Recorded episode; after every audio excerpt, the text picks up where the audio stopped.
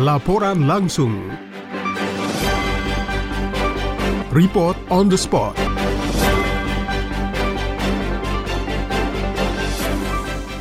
Kunjungan kerja Komisi 11 DPR RI ke Provinsi Bali. Komisi 11 DPR RI pada reses masa persidangan keempat tahun sidang 2022-2023 melakukan kunjungan kerja ke Provinsi Bali. Tim yang dipimpin Wakil Ketua Komisi, Dolvi OFP ini melakukan pertemuan dengan jajaran pemerintah Provinsi Bali dan pemerintah Kota Denpasar, serta perwakilan seluruh mitra komisi, di antaranya Bank Indonesia, OJK, Kementerian Keuangan, Kementerian PPN Bapenas, BPKRI, dan BPS serta bank-bank anggota Himbara. Wakil Gubernur Bali, Cokorda Oka Sukawati mengatakan, setelah pemberlakuan pembatasan kegiatan masyarakat atau PPKM terkait pandemi COVID-19 dicabut oleh pemerintah, pariwisata di Bali mulai menggeliat kembali. Cokorda Oka mengungkapkan, meski saat ini geliat pariwisata di Bali belum sepenuhnya pulih, tingkat hunian hotel di kawasan Nusa Dua sudah mencapai 70 hingga 80 persen. Tetapi di kawasan Ubud, Lopina, dan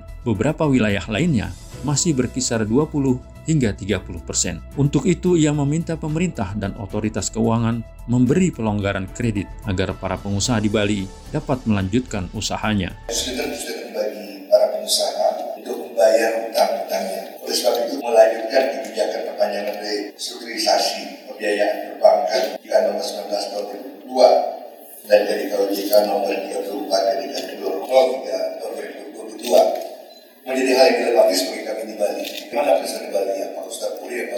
Wakil Ketua Komisi 11 DPR RI Dolvi OFP mengatakan, meski geliat pariwisata khususnya di Bali menunjukkan tren pertumbuhan, namun sektor usaha, menurut laporan Otoritas Jasa Keuangan, masih memerlukan restrukturisasi dan relaksasi terhadap utang-utang mereka. Untuk itu, OJK telah mengeluarkan kebijakan memperpanjang restrukturisasi dan relaksasi kredit sampai akhir Maret 2024 pelaku usaha ini masih membutuhkan restrukturisasi dan relaksasi kredit. Oleh karena itu, OJK sudah mengambil keputusan memperpanjang restrukturisasi dan relaksasi kredit sampai satu tahun ke depan. Nah, harapan kita dalam masa satu tahun ke depan ini, OJK juga sudah memikirkan langkah-langkah mitigasi risiko apabila relaksasi dan restrukturisasi tahun depan itu ditiadakan lagi. Jadi kan ini perpanjangannya hanya sampai 2024. Nah, setelah itu harus dipersiapkan langkah-langkah agar tidak memperburuk keadaan pelaku usaha di berbagai sektor lah. Tidak hanya di Bali tapi di seluruh Indonesia.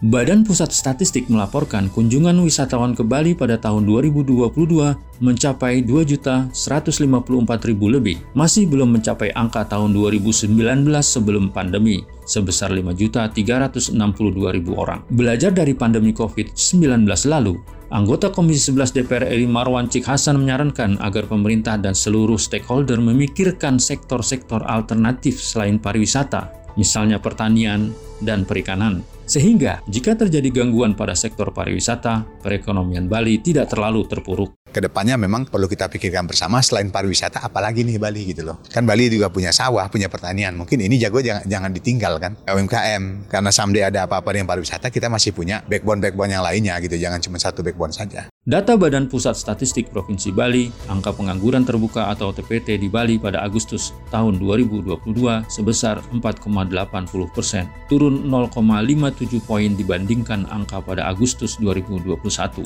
Lapangan kerja yang mengalami peningkatan tertinggi adalah sektor penyediaan akomodasi dan makan minum sebesar 80,92 ribu orang. Komisi 11 berharap pertumbuhan ekonomi Bali yang ditopang geliat industri pariwisata merupakan pertumbuhan yang berkualitas yang ditandai dengan meningkatnya lapangan pekerjaan dan turunnya angka pengangguran. Dari kota Denpasar, Bali, Sahroni TVR Parlemen melaporkan.